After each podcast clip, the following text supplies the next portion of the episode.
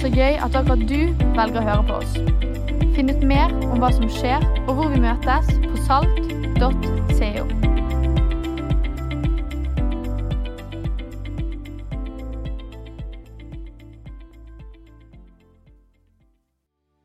Nydelig. Vær så god og sitt, folkens. Skal vi gi en varm applaus til gjengen her?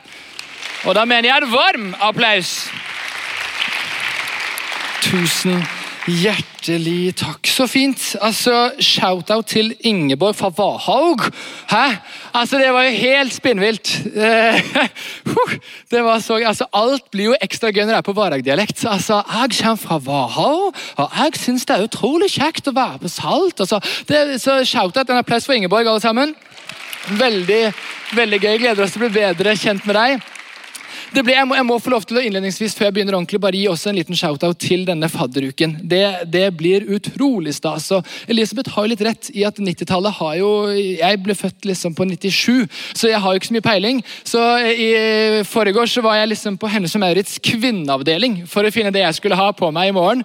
Eh, så det sier litt hvor lite peiling jeg har. Hvis du ikke har meldt deg på, eh, ta oss og meld deg på. Så tenker du kanskje å, men jeg vet ikke hva jeg skal gå med og sånn. Men hemmeligheten er at alle er så sykt selvbevisste på hva de selv skal ha på seg. At ingen tenker over hva de andre har på seg. Så alle sånn, er det, er, er det bra nok? Men alle bare tenker på seg selv. Så bare ta på deg en stor eller liten bukse eller en kjole eller hva som helst. Ingen har peiling, for ingen har vært der uansett. ok? Så hjertelig velkommen skal du være.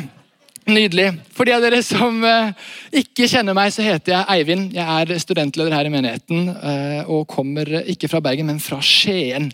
Ja, ja det er litt liv for det. Konge. Jeg snakket med en bergenser her om dagen, og hun spurte til min forferdelse hvor i Oslo ligger Skien, egentlig? Altså For bergensere så er liksom bare Østlandet en eneste stor plass. Og jeg tenker liksom, ofte tenker jeg Det hadde kanskje vært best både for bergenserne, men også for alle oss andre at dere ble et eget land. Det, er, altså sånn, Geografikunnskapene tilsier at det er sånn dere tenker. i hvert fall. Så det er noe så nydelig. Du, her i kirken så, så pleier vi å, å, snakke ut fra taleserier. og Dere har hørt det nå, 100 dager med Jesus er greiene. Og vi snakker ikke først og fremst ut fra den lille boka. Det er viktig for meg å si, Vi snakker ut fra Bibelen. Så det er viktig for meg, Jeg har lyst til å gå til dagens tekst som vi skal lese fra. og Den er eh, meget interessant. Dere skal få det opp på veggen. Og her står det, Vi er i, første, Johannes kapittel 1, og, og, vi er i den settingen av at Jesus begynner nå å bli litt kjent. Hvis dere husker Martin Ødegaard på Strømsgodset. altså Martin 15, nå har begynt å se, oi, Her er det en fyr som er litt interessant. Vi har litt sånn samme viben på Jesus. Folk begynner å få øynene opp for han, og Jesus er i ferd med å samle sine disipler. Og så har vi da en som heter Johannes døperen, som nå legger merke til ham. Det står Dagen etter sto Johannes der igjen sammen med to av disiplene sine. Da Jesus kom gående, så Johannes på ham og sa, Se, Guds lam. Og De to disiplene hørte hva han sa og fulgte etter Jesus. Og Jesus snudde seg da og så at de fulgte ham, og han sa, Hva, hva leter dere etter? Og de svarer bare med et nytt spørsmål. Rabbi, hvor bor du? Rabbi betyr lærer. Og da svarer Jesus, kom og se. Kom og se. Og De gikk da med ham og så hvor han bodde, og de ble hos ham den dagen. Det var omkring den tiende time. Ingen vet hva det betyr utenom Øystein og pastorene her. Um, dagen etter ville Jesus dra til Galilea, står det litt senere. Da fant han Philip og sa til ham, 'Følg meg'. Philip var fra Betzaida, den byen som Peter og Andreas var fra. og Philip traff så Nathanael og følg med nå, her blir det interessant. Og Han sa til ham, vi har funnet ham som Moses har skrevet om i loven, og som også profeten har skrevet om. Det er Jesus fra Nasaret, Josefs sønn. Men Nathanael deler ikke begeistringen. Han sier, kan det komme noe godt fra Nasaret? Og Philip svarte, kom og se. Kom og se, Jeg har lyst til å stemme i med både Jesus og Philip og la overskriften for kveldens preken være 'Kom og se'. Kom og se, men hva er det vi egentlig skal se? Jeg ber. Jesus, takk for at uh, de neste minuttene nå ikke trenger å være en, en TED-talk eller en inspirasjonsprat, Jesus, men det kan være et uh, møte med deg. Vi ber om at eh, de ordene som blir delt, skal være til ære for deg, Jesus. At vi skal kanskje oppdage mer av hvem du er, ikke pga. det jeg sier, men, men, fordi vi dykker ned i historien om deg. Takk for at det du gjorde, faktisk er skrevet ned. Og at det er så mye mer enn historiske dokumenter. Det er faktisk et levende ord, Jesus. Og vi ber om at det skal bli levende for oss her i kveld, hva du gjorde, og hva det gjør for oss i dag. Og Vi ber Jesus om at bergensere skal få bedre geografisk sans på Østlandet. I Jesu navn, og alle sammen sa amen. Jeg savner nødlandslaget. Jeg gjør det, og jeg vet at Ståle Solbakken blir ganske irritert med meg nå, fordi han er lei av å høre alt prate om nødlandslaget. og Landslaget har jo nå gjort en ganske grei innsats egentlig denne uka. her. Men jeg savner de fortsatt, fordi den gjengen her det er så random. Ingen vet hvem de er. Altså, altså, Utenom liksom de største fotballnerdene her, så tipper jeg folk kan maks navngi to eller tre av de spillerne. Resten er bare sånn Altså, Du kunne sikkert satt inn Daniel Mathisen, pastor i kirken her. Ingen hadde merka det! Altså, Du kan bare sette det inn, for det her er liksom nødlandslaget. Når ikke A-landslaget kunne stille, så kom den gjengen her, og du tenker kanskje nå Eivind, mange av de her er jo utenlandsproffer. liksom, De spiller i utlandet. Og Nå vil ikke jeg være frekk, altså, men, men er du utenlandsproff når du spiller i belgisk andredivisjon? Jeg bare stiller spørsmålet som alle tenker. Jeg kan også stikke til Estland liksom, og spille femtediv og bare Ståle! jeg spiller i Estland, utenlandsproff.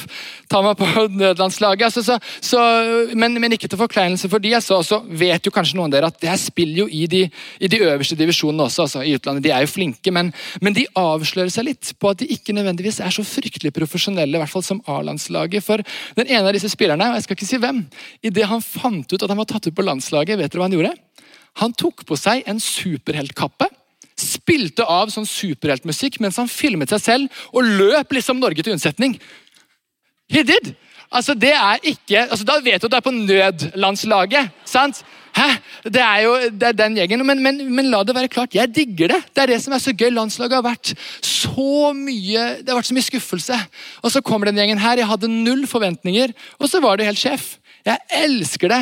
Men jeg fikk litt følelsen av at det her er litt sånn vanlige folk som bare kommer og spiller med flagget på brystet. Og en artig, catchy overgang her nå. Når Jesus gikk rundt og Ja, ja, det her, jeg vet det, jeg vet det. det er, dere må le for det. Så, altså, Det her er sånn pastorsyken. Du ser den og tenker det der ligner litt på en bibelhistorie jeg har sett. Um, og det gjør det, for, for uh, Det er ikke bra. Jeg er skada. Nei da, altså um, når Jesus gikk liksom litt rundt, så, så, så, tenkte man gjerne at, at, her skulle han samle seg et landslag av disipler. Religiøse ledere gjorde gjerne det på den tiden. De samlet seg veldig flinke folk rundt seg som kunne veldig mye om skriften. eller pakka. Men når Jesus begynner å samle gjengen, så er det litt sånn nødlandslagerpreg over det. Det er ganske vanlige, random folk som blir valgt. og jeg tenker litt sånn, huleste hva er det som skjer her? Og, og, jeg vet ikke om du har lest mye, men Hvis du kikker litt på historiene om disiplene, så vil du bli overraska over hvor mye rart de gjør. altså. Det, det er, altså. Jeg har noen sånne steder i Bibelen hvor jeg har skrevet ha-ha. For jeg synes det er så morsomt. Altså, Mange ganger så snakker Jesus i sånne lignelser og, og bilder, og så, og så står det at disiplene ser på hverandre. De skjønte ikke hva han mente. Det går liksom rett over hodet på dem. Det skjer stadig vekk. Og, og, og, Nå begynner jeg liksom å nærme meg blasfemi bare på vegne av disipler. på en måte, men, men, noen av dem var ganske grådige. altså. De var det. De var ganske glad i penger. og sånn, og Det er noen av de kristne også i dag. Vi har ikke så mange av de i kirken, for det er ikke så mange fra Sunnmøre her. Men, eh, men det var hva han sier for noe. Nei, altså, så, Og så har du jo noen av disiplene som øh, hadde det kanskje mest i kjeften. Det er vi jo kanskje i hovedbyen for akkurat nå. Og, og nå får jeg hele Norge på meg her, jeg elsker det. Jeg må prikke på mine egne da. Det var også noen av disiplene som var rimelig skeptiske til nesten alt. Og det er jo klassisk østlending. Altså Vi tenker liksom ja, jeg hører hva du sier, men, øh, men det kan være andre muligheter også. Så nei, og, og, så tenker jeg, Vi er kanskje litt skada fordi vi har disse politikerne våre i Oslo, eller Skiensdelen av Oslo. Um, så det kommer liksom av det. Og så har du noen disipler da som uh, kan man vel si hadde litt sånn sinneproblemer. De ble kalt Tordensønnene, to av de. Og Jeg tror vi alle sammen tenker på det samme geografiske stedet når du tenker på folk som fort blir sint. Det er Kristiansand.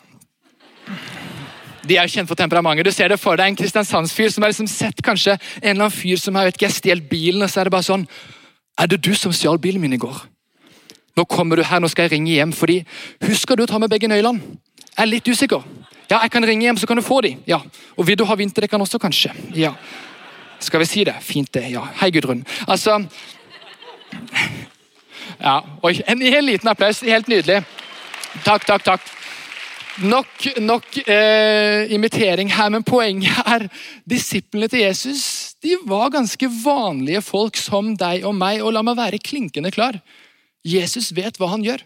Det her er ikke tilfeldig. Han går ikke rundt og samler gjengen sin og tenker at nå skal jeg liksom få Petter Stordalen og mor Teresa. liksom.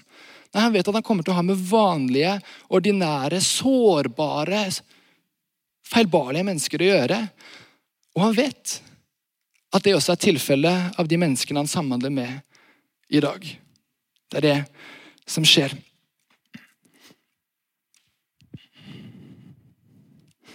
I, rundt omkring i verden så kan du finne ganske store, flotte katedraler. og Det er ikke sikkert du har lest så mye på disse katedralene og, og arkitekturen for de. Så la meg gi en liten fun fact for dere. at jeg kan gjøre det. Um, I disse katedralene så har du gjerne sånne svære, flotte flotte marmorsøyler. Og De ser veldig flotte og fine ut, men egentlig, når de først står der, disse marmorsøylene, så er de ikke så fine å se på. For den marmortypen er en sånn der porøs, litt sånn ruglete type. Så de ser ikke så fine ut først. Så det disse kan vi kalle det katedralingeniørene gjør, det er at de fyller disse søylene med voks. Så, og så kan de på en måte slipe det ned, sånn at de blir flotte og glatte. Men så er det en katedral som sa mm, mm, mm, vi skal ikke gjøre det der. Vi skal faktisk bare la marmorsøylene stå som de er. Som et tydelig signal om hva den kirken eller den katedralen skulle være bygget på. For på latin så betyr uten voks det er sin sere. Sin sere. Og hvis du slår de to sammen, så får du et engelsk ord du kanskje kjenner. Sincere. Uten voks på latin betyr altså å være ærlig. Og denne Katedralen vil gjøre det tydelig at her skal ikke være et sted der vi vokser over realiteten av livet. Her skal vi snakke sant om livet. Og jeg tenker at Enhver sunn og sann kirke bør være bygget på det samme. Og Derfor blir jeg så utrolig lei meg når jeg hører at noen mennesker opplever kirken til å være et sted der de må prøve å fremstå bedre enn hva de egentlig er. Og Det gjør vi jo stadig vekk, men at noen opplever at kirken særlig liksom, er stedet der de må ta på en eller annen teit fasade. Og det, det, det, knuser hjertet mitt å høre det, for Jesus han, han var den fremste han til å invitere og involvere de som ikke var så himla flinke. Disiplene er et eksempel. Han banet vei for en ny måte å være et fellesskap på. Derfor bør egentlig dypest sett kanskje Kirken og, og det stedet her, Salt, det bør egentlig være det, det beste stedet tenker jeg, til å kunne si jeg får det ikke til. Jeg har det sykt vanskelig for tiden. Jeg, jeg er ensom. Vi, vi, sliter i ekteskapet. Jeg klarer ikke å, å be lenger. Jeg begynte å se på pornografi. Jeg syns kirken er et ubehagelig sted å være for tiden. Kirken bør være det fremste stedet til å vise ærlighet. Jesus bygget hele sin virksomhet på det. Og Derfor knuser det hjertet mitt når jeg hører historier som at, at noen mennesker, jeg, har møtt noen mennesker som har, som har sluttet å gå i kirken fordi de opplevde at de plaget de som gikk der, med alle spørsmålene sine. Så de ville la de tro i fred. Så de sa nei, vet du hva, vi kan gå for oss selv og prøve å finne ut av det her, men dere kan få lov til å gjøre deres greie. Det er så feil. Ingen kirke burde være bygget på det. Ingen mennesker burde oppleve det. Og jeg tenker at Enhver person i det rommet her som kjenner på noen av de følelsene, og enhver av oss som kanskje er med og bidrar til at folk opplever det Vi har så godt av å se Philips møte med Nathanael vi leste i stad Philip møter Nathanael med en sånn der entusiasme. Vi har sett han som det har blitt snakket om, han som Moses har snakket om. Det er Jesus fra Nasaret. Men Nathanael deler ikke begeistringen. Han møter ham med en sånn tilbakeholdenhet. Kan det komme noe godt fra Nasaret? Og før tenkte jeg attitude problem. Kom on, Nathanael. Hæ? Hva er det som skjer? Men i senere tid har jeg tenkt Kanskje Nathaner hadde ganske gode grunner for å være litt tilbakeholden. Kanskje han hadde dårlige erfaringer med Nasaret og folkene som var derfra. Kanskje han hadde dårlige erfaringer, kanskje som du har litt dårlige erfaringer med kirken, eller kanskje en venn av deg har det. Og Philip kunne jo begynt å forsvare Nasaret, han kunne begynt å, å, å, snakke om Det gamle testamentet, eller prøvd å ta han litt på holdningen. Men han gjør ikke det, gjør han vel? Han sier bare én enkel ting. Kom og se! Kom og se! Men han sier ikke 'kom og se på meg'. Han sier ikke 'kom og se på Nasaret', han sier ikke 'kom og se på kirken', 'kom og se på lysshowet', 'kom og se på alle de fine folka her'. Nei, han sier bare én ting. Kom og se på han jeg har møtt. Kom og se på Jesus. Kom! Du må møte han. Nathanael, kom og se på ham. Kom og se på han som har gjort noe med meg. Jeg kommer kanskje til å få litt eh, tyn for det jeg skal vise dere nå, men jeg, jeg gjør det likevel. For, for, jeg skal være ærlig med dere. Um, og det her er liksom litt kleint, men jeg, det her er en sånn guilty pleasure jeg har. Og Det er disse bildene der det er på en måte et bilde, og så, og så virker det som at det er et helt vanlig bilde. Men når du ser litt nøyere på det, så merker du at wow, der er det noe litt sånn rart ved det. Og De har gjerne overskriften 'When you see it'. Og så er det noe ikke så veldig pent her som jeg tør å si, for derfor får jeg kjeft, men det betyr i hvert fall på norsk så er det 'så vil du drite mursteiner'. Jeg vet ikke hvorfor. Men poenget i hvert fall er, dere kan få det opp her, så er det liksom, jeg synes det er fryktelig gøy å se om folk legger merke til det rare med det. For noen er litt sånn 'hæ? Er ikke det et helt vanlig bilde?' Før man plutselig ser noe litt rart. Og kjære podkastfolk som hører på det her nå, dette er veldig underholdende, for folk leter desperat nå etter å finne feilen. Og jeg elsker å se reaksjonen på det. Der er det noen som later som at de så det. Ja, ja, jeg ser det, jeg ser det. Ja, ja, ja. Ja, det var kjempe... Ja. Hva da? Nei, nei, ja, jeg så det, ja. Ja, det, det, det fortsatt, ja, Folk ser det. folk ser det. er, noen, er, det noen som ikke har sett det? Rekk opp en hånd. Kom on, ærlighet. Opp, det er mange som ikke ser det. Ja, ja, nei, Det er en svær hund der, men det er noe sånn. Ok, Neste bilde. Ja, ja, det var der. Det var der.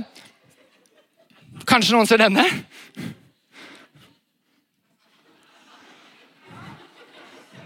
Ja. Der, ja. Der fikk Daniel Mathisen sjokk. Hva er det jeg har sett på hele tiden? Det er herlig. Når du ser det, så hva skjer da? Jeg skulle så veldig gjerne ønske at jeg kunne fått lov til å stått i Philip sine sko og sett reaksjonen til Nathanael. Når han ikke så på det Nazaret-bildet, men han faktisk fikk se Jesus. For Nathanael sier, 'Ok, Philip, jeg kan bli med på den der greia der. Jeg har sett et eller annet bilde nå, men jeg, jeg, jeg er fokusert på å faktisk se det som er mitt i det bildet Jesus. Og Det som skjer, er fascinerende i møtet mellom Nathanael og Jesus. For mens Nathanael enda er langt borte, så står det at Jesus ser han. Veldig likt historien om den bortkommende sønn, hvis du har sett den. Og Når Nathanael kommer nærmere til Jesus, så, så står det at, at Jesus begynner å, å, fortelle ham hvem han er. Han bekrefter Nathanaels identitet og sier, 'Jeg kjenner deg'. Du kjenner kanskje ikke meg, men jeg vet veldig godt hvem du er. Klassisk. Klassisk Gud. Og Det er det første som skjer når du møter Jesus, når du ser til ham, det er at du skjønner Wow, du har jo kjent meg hele veien. Og Nathanael han, han blir litt sånn paff, og så sier han wow, du er jo faktisk Guds sønn. Og så elsker jeg hva Jesus sier. Han sier da Jeg hører deg, men du skal få se større ting enn dette, Nathanael.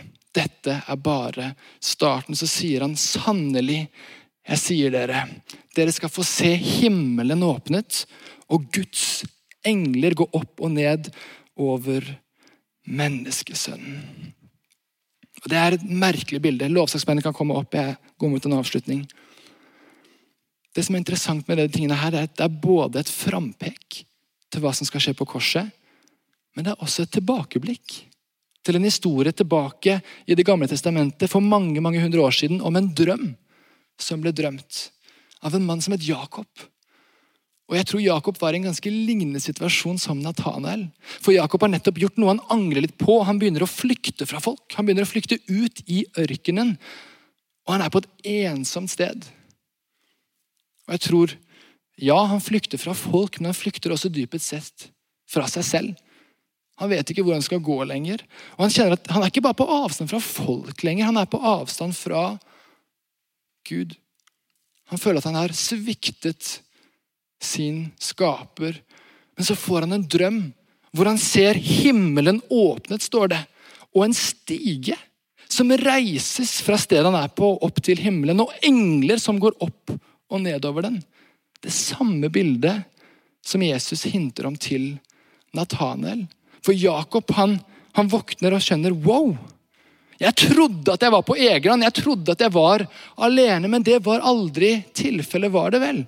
Gud gjør det klinkende klart. Han sier, Nathanael, eller Jakob, du er ikke alene. Jeg har sett deg hele veien. Kanskje ikke du visste at himmelstigen var der, men den har vært det hele veien. Selv om du vender meg ryggen, Jakob, idet du snur deg, så står jeg der og venter på deg. Jakob gjør det klinkende klart for seg selv nå at jeg har misforstått. Jeg trodde kanskje at Gud bare var å, å finne i tempelet eller i kirken her på en saltsøndag. Men det stemmer ikke. Himmelstigen reiser seg ikke bare på en gudstjeneste eller i tempelet. Himmelstigen reiser seg også i ørkenen som et bilde på Guds nærvær, på Guds trofasthet. Den er ikke bare her i kveld, den er også på en tung torsdag morgen. Og Jesus sier til Natanael at, at det Gud viste til Jakob, det er det jeg skal gjøre for alle mennesker. For alle mennesker. Himmelen åpnet, og en stige reist mellom deg og Gud i din hverdag. For idet Jesus henger på korset, så roper han 'Det er fullbrakt'. Og Idet han roper det og utånder, så står det at forhenget i tempelet revner fra øverst til nederst. Og på innsiden av det forhenget så var selve nærværet av Gud kun for eksplisitte personer. Dette var himmelstigen, men bare for de som var helt rene. Men idet Jesus dør, så revner forhenget.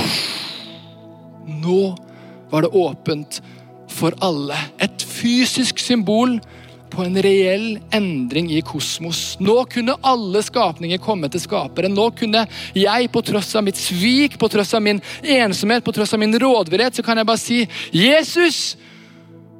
Og så er stigen der, så er kontakten der, så er Gud der med sin trofasthet. Jesus gjør det som Gud gjorde for Jakob, men han gjør det for alle mennesker. Reiser en stige i din og min hverdag og sier jeg vil gjøre dette livet sammen med deg. Men han gjør det klinkende klart at den himmelstigen er ikke som karrierestigen. Det er ikke en stige du skal klatre opp. Den himmelstigen er i sin dypeste form korset på Golgata.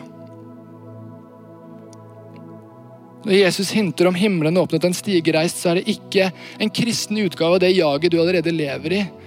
Nei, det er ikke at vi skal nå opp i den stigen der, men at han kommer ned til oss. Derfor gir det ingen mening at noen kristne tror du kan gå opp i en eller annen stige og si 'Hei, se så flink jeg er! Se så kul jeg er! Kom opp her, da! Vi er så åndelige, vi er så flinke, vi er så kristne! Se! Kom opp her, da!'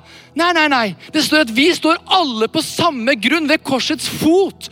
Og det gir ingen mening å si noe annet enn 'Kom og se ham'. Kom og se Jesus.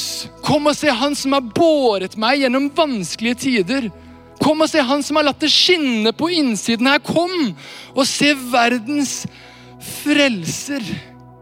Kom og se han som løfter deg, som kjenner deg fra tidenes morgen, og han som har lyst til å gå med deg gjennom dette livet og over i det neste. Kom og se!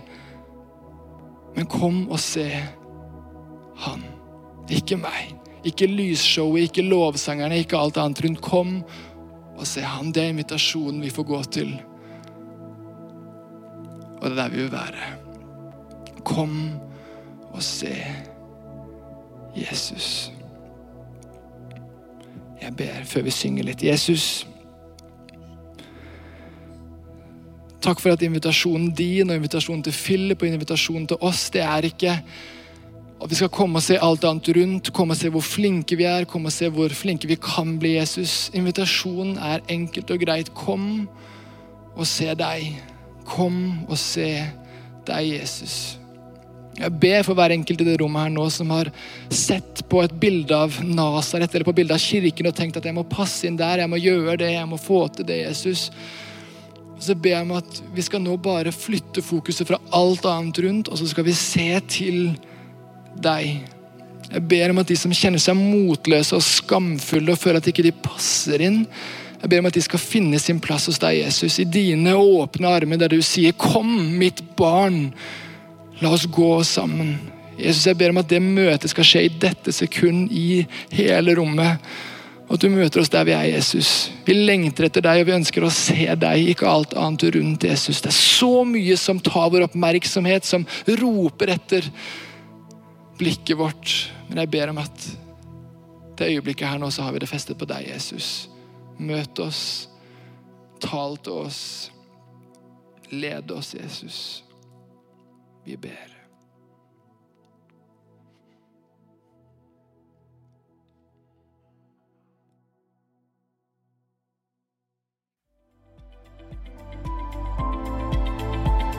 Takk for at du hørte på.